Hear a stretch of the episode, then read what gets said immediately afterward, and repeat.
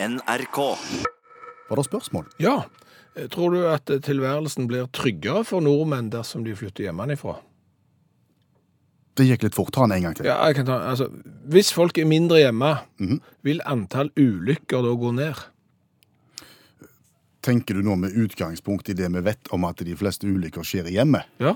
Altså, Ifølge forskning på ulykker så dør det eh, flere mennesker i hjemmeulykker enn det der gjør i eh, trafikkulykker. En av de farligste plassene å være er jo hjemme. Så hvis du flytter hjemmefra, da, eh, vil det være mye tryggere for deg? Godt spørsmål. Ja. Det er mulig dette er fundert i at eh, de fleste ulykker skjer i hjemmet fordi at vi er mest hjemme. Vi tilbringer flest timer der, så dersom vi flytter oss ut av hjemmet og er mest en annen plass, Ja. så kan det jo være at eh, de fleste ulykker skjer den andre plassen. Ok, så da vil du plutselig få eksempel flere ulykker. De aller fleste ulykkene skjer på hotell, eh, på hytta eksempel. De aller fleste ulykkene skjer i telt. Eller faktisk at de aller fleste ulykkene skjer når du flytter hjemmefra til en annen plass fordi du er redd for å være hjemme. Vet ikke. Nei, men det er veldig interessant. Ja, det, Ja. Kan, det kan jo være at de aller fleste ulykkene skjer i hjemmet fordi at A, du er der mest, Mm. B, eh, der er det trapper og tepper og eh, snøblekant og ting som eh, du etter hvert blir så vant med oh, ja, at du blir litt uoppmerksom Og du senker garden. på en måte Okay. i heimen. Ja, sånn at eh, når jeg har eh, tre etasjer hjemme, så jeg må gå opp og ned, opp og ned, opp og ned hele dagen, så har du, for det første har du på en måte den der kvantumsprofilen, og så har du den der, eh, altså i og med at, det er så, at jeg gjør det så ofte, Ja. sant, så vil ulykkesstatistikken eh, stige derfor, og, og så er det det at jeg senker garden, mens for eksempel hvis jeg hadde gått ned ei trapp på en scene foran 10 000 mann, for eksempel, så hadde jeg vært så fokusert på arbeidsoppgavene at jeg aldri ville dotte. Kan være. Ja, ja, nei, altså, det, jeg, jeg vet ikke. Nei. Jeg, jeg synes det er veldig interessant, For noe av det du påstår da, det, det er jo det at det, du antar at ulykkesstatistikken er konstant. Ja, det er jo mitt utgangspunkt her. Ja, la oss si at det der er liksom, der er 1000 ulykker som skal fordeles per dag, sant? Ja. Og, og, og da er det sånn at er du, er du hjemme, så skal de ha 800 av de, men, mens eh, de andre får, får fordele de 200 andre. Ja. Den holder ikke, sa du. Fordi Fordi at for eksempel eh, går du tilbake, så, så døde det langt flere folk i trafikkulykker enn det det gjør i dag, til tross for at vi var langt færre folk, og vi var langt færre trafikanter. Sant? Så ulykkesstatistikken i trafikken har jo gått ned. Dermed så er jo ikke summen av ulykker konstant. Nei vel. Nei. Så derfor så stiller jeg spørsmålet mitt igjen, og dette kan dere ta og diskutere rundt eh, lunsjbordet nå, eller rundt middagsbordet i ettermiddag, eller i festlige lag. Vil det være mye tryggere for nordmenn å flytte hjemmefra? Jeg ser jo for meg at det tryggeste må jo være en slags rotasjonsordning, hvis teorien min blir at dersom du blir for konform på et sted, Ja, så er det farlig. Hvis du hele veien oppsøker nye territorier, så vil du være på alerten konstant. ok. Så for eksempel i gata vår, der det er fem eneboliger, Ja. så, så roterte vi. For eksempel. At jeg flytta inn hos naboen, naboen flytta inn hos naboen der til venstre, og så hele veien så, så bodde vi i ett hus, bor i huset til venstre i perioder. Da ville jeg tatt med kona, tror jeg. Ulempen da er at for hver gang det kommer noen som skal flytte inn i huset vårt, så må vi rydde ekstra fordi at det skal se fint ut når de... Ja, og- det er en bonus, forresten. Det har jeg ikke tenkt på før nå, at hvis den rotasjonen som du eh, foreslår her, Mm. så, så vil alle ha det mye ryddigere, fordi at du vil ikke ha noen som skal bo i huset ditt. Eh, uten at det er fint og ryddig. Og da er det ingenting å snufle i når du skal dette ned eh, eventuelt ei trapp. Sant? I tillegg, det er litt sånn Det vinn-vinn, dette. Det er vinn-vinn, det. Se for deg et hypotetisk scenario nå, Mm. som utspiller seg på midten av 80-tallet. Det hadde jo aldri skjedd i virkeligheten, fordi at jeg hadde jo bare ei eneste som jeg var forelska i, og hun var ikke interessert i meg. Nei. Men la oss nå si, da, for uh, hypotesen sin skyld, at jeg hadde fått meg kjæreste i hovedstaden Oslo. Ok. Og så bodde jeg i Stavanger. Midt på 80-tallet. Midt på 80-tallet. Ja. Da måtte jeg ringe med telefon Ja. for liksom å synge I just call to say I love you. Ja. Hva hadde skjedd da? Da hadde foreldrene dine kommet og sagt det er rikstelefonen, det er altfor dyrt. Ja, de hadde det. De hadde hengt over skulderen min og sagt at nå må du legge på. Ja. Ja, men jeg har bare snakket et minutt, nå må du legge på. Vet du hvor dyrt det er? Ja. Det fantes faktisk eget apparatur som var gjerne montert på sida av telefonapparatet, som skulle synliggjøre hvor dyrt dette her egentlig var. Ja, det, det var omtrent som et sånn et ur som du har når du skal finne ut om egget ditt skal være bløtkokt eller hardkokt. Sånn sto ved siden av telefonapparatet. Telefonapparatet sto på én faste plass. Det hadde ledning inn i veggen, og den plassen du kunne sitte og ringe, det var gjerne en benk. Telefonbenk. En egen benk for ringing. Det er bare for å realitetsorientere ungdommen om dette. Ja, for det er veldig mange som hører på akkurat da, som, som opplevde akkurat dette. Ja. Med dette. Men vi ble sittende på kontoret og snakke om nettopp dette her. Hvor steikende dyrt våre foreldre fortalte oss at det var å ringe i 1985. Ja. Og da våkna journalisten i oss. Den, Nei, ikke, ikke meg, for jeg er ikke journalist, jeg er fotograf. Stemmer. Du er journalist, så det våkna i deg. Da våkna journalisten i meg. Eh, La oss nå finne ut hvor dyrt det egentlig var Ja. å ringe i 1985. Så jeg sendte en eh, e-post til Telenor med et del spørsmål om hvor, hvor dyrt det var å ringe f.eks. innad i kommunen, til nabokommunen og til utlandet f.eks. Eh, da fikk jeg en eh, e-post tilbake igjen som sa at eh, dette er litt innfløkt. Så dette kan vi ikke ta på telefon. Jeg sender deg heller en del eh, lister og skjemaer og Excel-ark, så du kan prøve å finne ut av sjøl. Okay. For det viser seg at det er et sinnrikt komplisert takstsystem som da eksisterer i 1985. Og der fikk du alle til å skru av radioen. Ja, ja, ja, jeg skal, jeg skal gjøre det fort. Okay. Men, men de skiller selvfølgelig mellom, mellom ringing innad i kommune, til nabokommune, til rikskommune til andre sida av landet Ja. og til utlandet, blant annet. Og de skiller mellom eh, før fem og etter fem og helger og den slags. Ja, og Dette forstår jo ikke ungdommen, for nå er det sånn at nå kan du ringe hvor mye du vil. Det er gratis tellerskritt, det er gratis MMS, det er gratis på en måte alt når du har betalt eh, abonnementet. Men så, nå har jo du fordypt deg i dette. Nå har jo journalisten i deg våkna. Så nå skal jeg fortelle, nå skal jeg gi et lite tidsbilde. Okay. og fortelle om hva det egentlig koster. Okay. Og det jeg har gjort da, Ja. nå har jeg tatt utgangspunkt i en telefonsamtale som varer i seks minutter. Mm. Alle samtalene jeg refererer til nå, varer i seks minutter, Ja, I just called to say I love you i seks minutter. for eksempel. Ja. Eh, Så har jeg regnet om kronebeløpet til kroner av i dag, indeksregulerte, sånn at det er lettere å forholde seg til. Okay, Sånn at folk forstår på en måte at ei krone er ei krone. Ja. Mm. Så i 1985, Ja. hvis du skulle ringe til kjæresten din som bodde i samme by, ja. og gjorde det før klokka fem, Mm. så kosta det 4 kroner og 60 øre for seks minutter. 4 kroner og 60 øre. Ja, det er ikke verst. Ikke spinngale. Nei, det er ikke noe å klage på for foreldrene våre. Venta du til etter fem, så var det 2 kroner og 30 øre. Oi, halve pris. Går helt fint. Ja, det er jo ikke dyrt. Nei. Hva de klager etter da? Hadde du kjæreste som bodde i nabokommunen, eh, mindre enn 50 km unna Ok.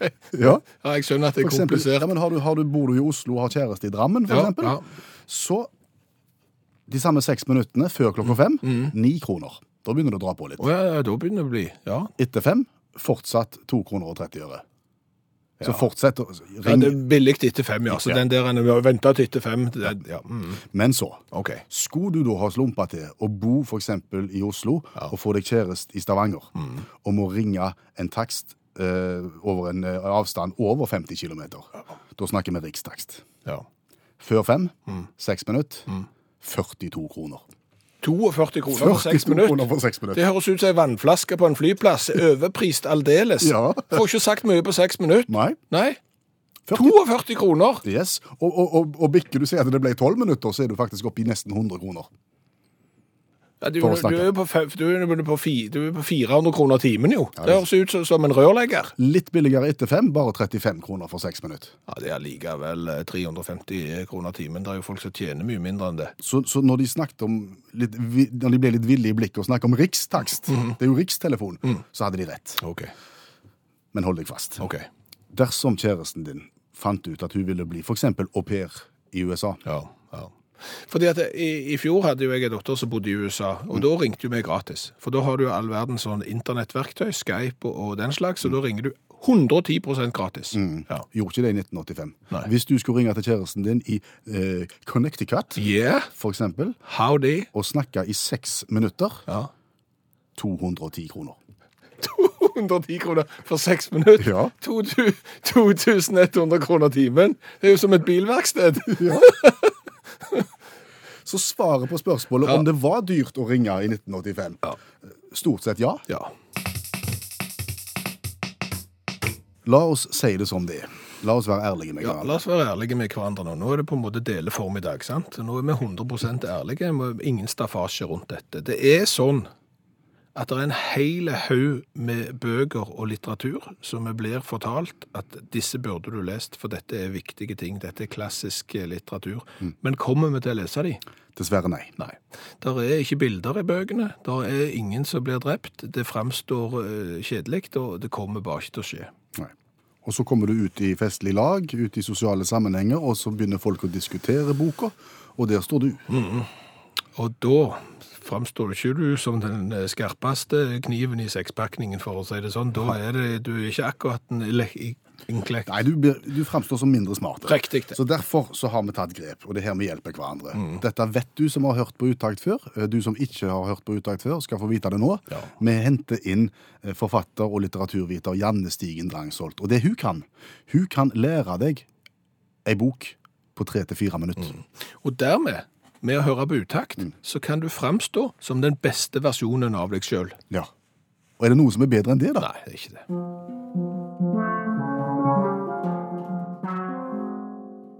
Josef Konrads 'Mørkets hjerte' fra 1899. Marlow blir sendt oppover Kongofloden for å hente hjem en av selskapets elfenbensjegere, den mystiske Kurtz. Han finner Kurtz, Kurtz dør, og Marlow reiser hjem. Og gjennom hele boka så er alle redde for jungelen. Og følte jeg meg skikkelig dårlig sånn eh, litteraturfaglig, for uh, vi snakker om klassisk litteratur. Ikke har jeg hørt om Josef eh, Konrad, og ikke har jeg hørt om Mørkets hjerte. Nei, du har kanskje Jeg vil tro at du egentlig har det, bare uten at du vet om det. For eksempel så er eh, 'Apokalypse nå' eh, av Francis Ford Coppola en gjenfortelling av 'Mørkets hjerte'. Åh. Og 'Mørkets hjerte' det er et angrep på europeisk imperialisme og alt det det fører med seg. Og det Josef Konrad egentlig gjør, det er at han eh, stiller spørsmål ved altså hva Er vi egentlig siviliserte vesener, eller er det liksom hele samfunnet bare en slags sånn staffasje, og hvis du tar det vekk, så er det ingenting igjen. Det hørtes nesten litt spennende og litt krimaktig Å, ut. det er superspennende. Eh, jeg elsker denne boka, og den er heller ikke spesielt lang. Her snakker vi rett over 100 sider igjen. Ja, det er pamflett. Ja, det er en brosjyre. Eh, og han reiser jo oppover denne eh, elva, jungelen kjempeskummel, og du hører hele tida om denne Kurtz, og alle snakker så flott om han, og at han er så, han er så overbevist, han er så magisk, og så treffer Marlow en mann som er fullstendig klin kokos. For han har sett inn i mørkets hjerte. Og det han har sett der, det er ikke anbefalt anbefale noen. Det må være et mesterverk der en klarer å skape noe sånt på 100 sider. Ja, det er helt fantastisk. Det er sånn Hver setning er bare sånn Wow, er det mulig? Og denne reisen oppover eh, eh, Kongoelva og, og denne her Kurtz-figuren og alt dette er jo ting som har eh, blitt brukt i både i, ikke bare i Apokalypse nå, men òg ved veldig mange andre filmer og fortellinger. Så hvis du først har lest denne boka, eller nå hørt oppsummeringen av han på radio, så vil du kjenne han igjen veldig mange steder. Og dette her med tanken om mørkets hjerte er jo òg noe som folk refererer til stadig vekk. Men denne spalten her skal jo være oppsummering av klassisk litteratur for oss som ikke har hatt gidda eller anledning til å, å, å lese de. Og, så plutselig er det ei bok som vi ikke har hørt om. Eh, det, hvorfor det?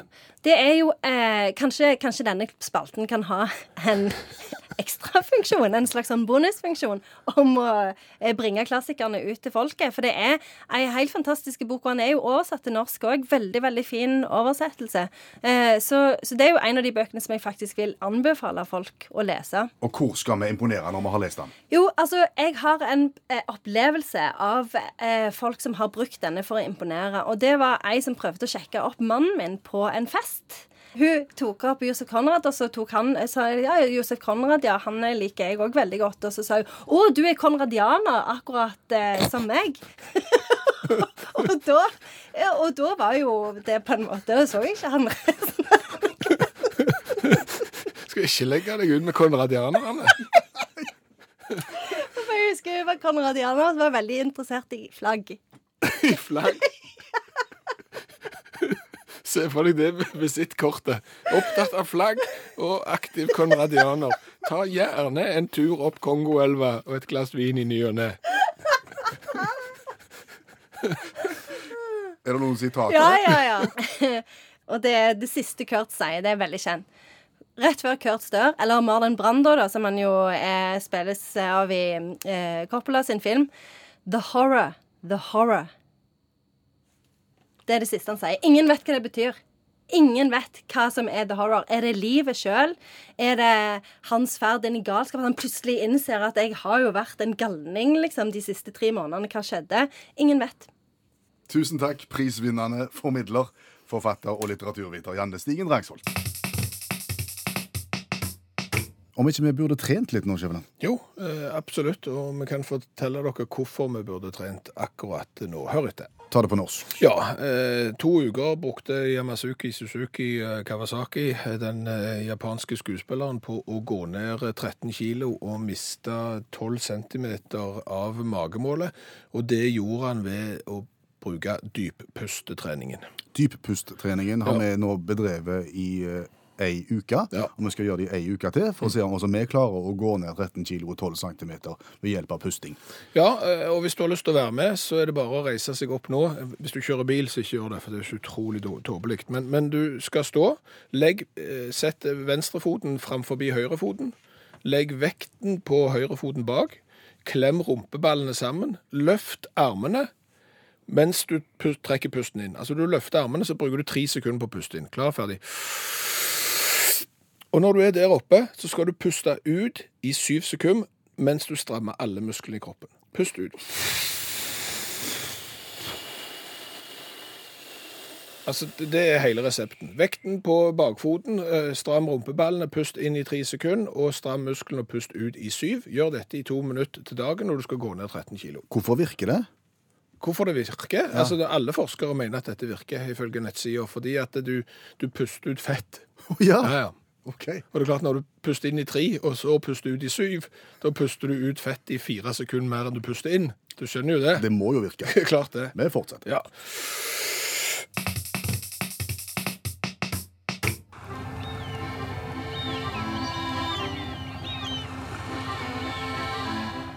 Ja, hjertelig velkommen.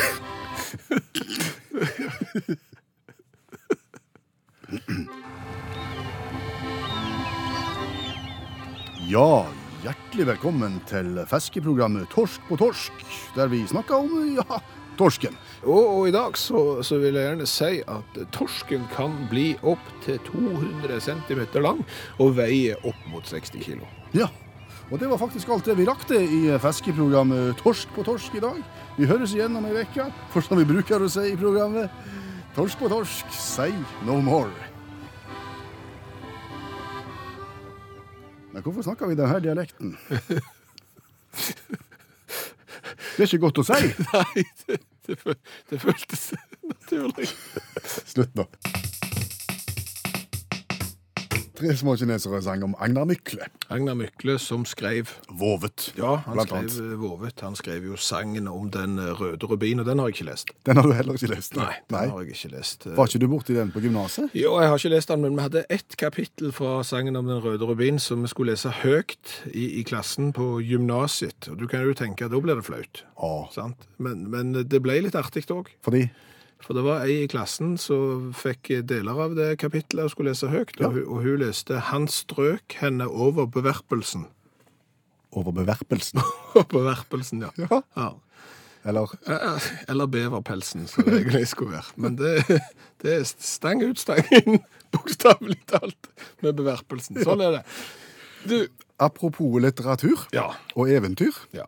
Eh, Forrige uke så kritiserte du ganske kraftig eh, eventyret om Snehvit og de syv kortvokste. Ja, jeg, jeg eh, gjorde det. Og, og det er vel kanskje ikke et godt uttaksprogram uten at vi har sagt noe som er feil, om å komme med en dementi. Og, og det må vi jo gjøre, for dette har vi tydeligvis sett på på helt feil måte. Iallfall ifølge Bjørn, som holder til i Nøtterøy. Hvorfor kritiserte du? Ja, Det er jo fordi at kan du tenke deg noe så ekkelt. altså Der ligger Snøhvit, og Snøhvit har vært død i, i en god stund, og så kommer det en og kysser liket. Ja. sant? Eh, Og mot all formodning, da, eller mot liksom alle odds, så våkner jo liket. Ja. Og, og hva skjer da? Nei, De gifter seg, og fortell den historien til barn og barnebarn. Nei, du vet at han, far din han kysset en død person, og så ble det oss to, da. Ja, Det, det lett, klinger ikke godt. Nei. Men det var da Bjørn reagerte. Ja, fordi at det, det som Bjørn skriver er jo at vi må, må tenke godt etter. For det at brødrene Grim brukte, i likhet med Snorre Moses og andre store historieskrivere, det språket og de bildene som var tilgjengelige og forståelige for folk på den tida. Okay. Det som prinsen selvfølgelig gjør her, det er å gi eh, hjerte- og lungeredning. Det er det han gjør, ja. Ja, ja. Altså først to innblåsninger. Ja, Noe som de kortvokste naturligvis oppfatter som kyss. Ja, ja, ok, Men det er munn til munn. Ja, og så begynner han da med 30 hjertekompresjoner, som får eplebiten til å sprette ut av halsen på Snøhvit. Og når han har holdt på sånn en stund, så skjer jo det mirakelet som ofte skjer med hjerte-lungeredning. De svake livsfunksjonene kommer i gang igjen, og dama kvikner til. Akkurat. Og da er det kanskje ikke så rart at de gifter seg. Og da er det kanskje ikke så vanskelig å fortelle det til, til ungene. sant? Og, og verre var det ikke, ifølge Bjørn. Nå blir det en helt ny historie. Ja, det gjorde så.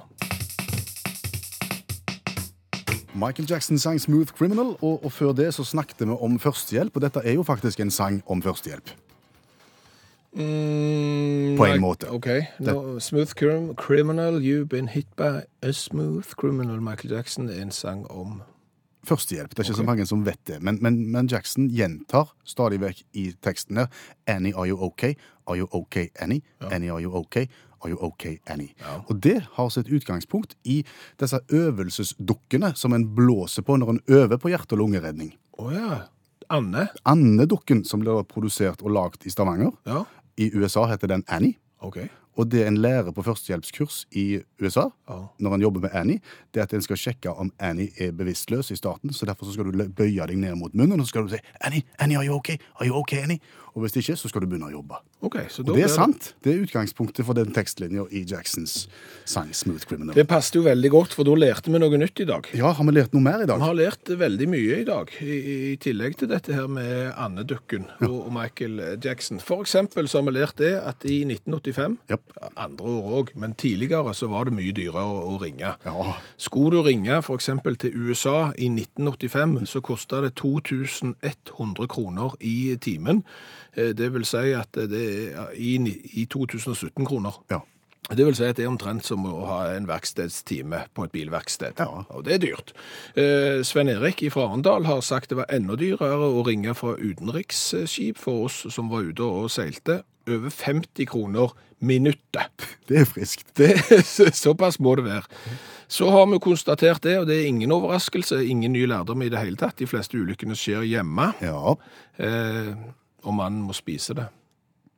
Åh. Oh, den er fiffig. Men, men Vera har fortalt at i løpet av programmet i dag så har hun allerede, og hun har vært hjemme, rukket å stikke seg på rosetornet, rosetorne, velte kaffekoppen og snuble over dørstokken. Så det bare viser at de aller fleste ulykkene skjer hjemme, og det hadde kanskje vært mindre ulykker i Hvis hadde hatt- hvis vi hadde flyttet ut. Hatt en rotasjonsordning. Ja, og da kommer det en god eh, forretningsidé som jeg har fått inn på SMS. SMS-en er sendt til 1987, startet med utakt. Hjemme-HMS. AS. Ja. Begynne en ny bedrift med bakgrunn i denne historien her. Forretningsideen er å starte Hjemme-HMS AS. Ok. Det er fiffig. Ja, ja. Og vi vet jo det at HMS-ens verste fiende er Improvisasjon. Riktig, det. Ja. Og så har jeg lært helt til slutt. Det finnes mennesker der ute som er konradianere og interessert i flagg. Ja. For vi har vært igjennom boka bok Mørkets hjerte i dag av Josef eh, Konrad. Og de som er spesielt interessert i den boka der, kalles for konradi konradianere. Ja. Og det går mennesker ute i det norske samfunnet som er både flaggentusiaster og konradianere. De er sjeldne, men de fins. Omtrent akkurat på denne tida hver eneste dag så pleier vi å snakke med Pål Plasten og Norgesklasse for å høre litt om hva de skal snakke om i dag. Og hvis vi roper på Pål Plassen og Norgesklasse akkurat nå, så vil de ikke svare. Det blir som å få munnen full av kongler fordi det er så mye trær og sånn. Eh, Fordi at det, i dag så handler det om VM på sykkel og ikke Norgesklasse. Norgesklasse har sendefri pga. sykkel. Ja. Så da har vi ett minutt igjen av programmet vårt, og da kan vi jo heller snakke om oss sjøl. Ja, vi kan jo det. Eh, Vi kan jo eh, snakke om det mangslungne tilbudet Utakt har å by på, på på sida av selve radiosendinga. For det første Ja. så kan du jo laste ned podkast. Det finnes mange hundre episoder av Utakt som podkast. Så hvis du har lyst til å høre, så hadde det vært gøy.